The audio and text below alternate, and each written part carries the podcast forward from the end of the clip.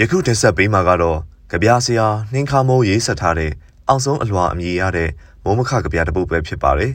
ကျွန်တော်ကတော့ຫນွေဦးမောင်ပါနှင်းခါမိုးအောင်ဆုံးအလွာမိုးမခဇန်နဝါရီ25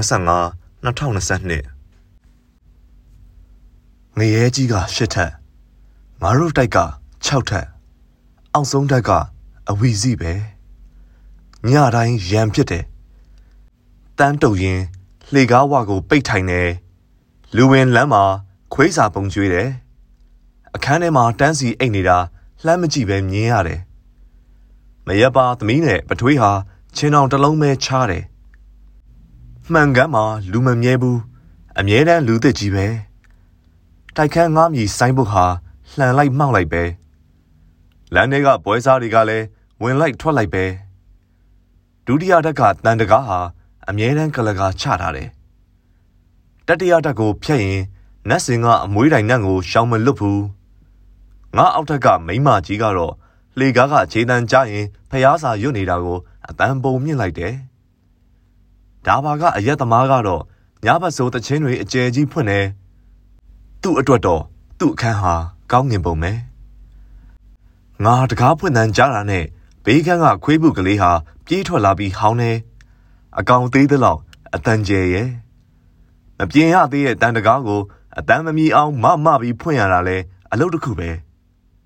ငါကတော့ကိုအแทပမာပဲအမြဲခတ်တယ်ပြန်လာရင်လက်နိုင်ပြီးဖွင့်တယ်တော့ပြောက်သွားတော့ကတော့သမားကိုခေါ်ဖွင့်တော့အထဲမှာခတ်ထားတဲ့တော့ကိုဖွင့်ရလို့တပေါင်းပို့ပေးလိုက်ရတယ်ဒါပေမဲ့တော့အသက်ကိုလည်းအထဲမှာပဲအမြဲခတ်မိပြန်တယ်အတွင်းမှာမှခတ်တဲ့တော့ကဘိုးလုံးကျုံနေမဟုတ်လား အပြင်မှာခတ်ထားတဲ့တော့ကိုမတွေးတော့အထဲမှာလူရှိတယ်လို့လို့ပေါ့လေတကယ်တော့အခန်းကလေးဟာပြန်မလာတာများတဲ့သူကြောင့်အမြဲတမ်းလူသူကင်းမဲ့နေတာပါဝရန်တာကကမုံပင်လေးတွေသာလေတိုးလိုရိမ့်ွယ်မနေခဲ့ရင်အသက်မဲ့တဲ့အခန်းကလေးလိုတောင်ပြောလို့ရမယ်ထင်ရဲ့အသက်ဘာကြောင့်ရှင်နေရတာလဲလို့အဲ့ဒီအသက်မဲ့တဲ့အခန်းကလေးမှာအချိန်ချင်းတွေးခဲ့ဘူးတယ်သွားကြိုက်နေတဲ့တငယ်ချင်းကိုတိုက်ပေါ်ကခုံးချခိုင်းတယ် ဟာတာမဟုတ်ပါဘူးနာကျင်မှုကို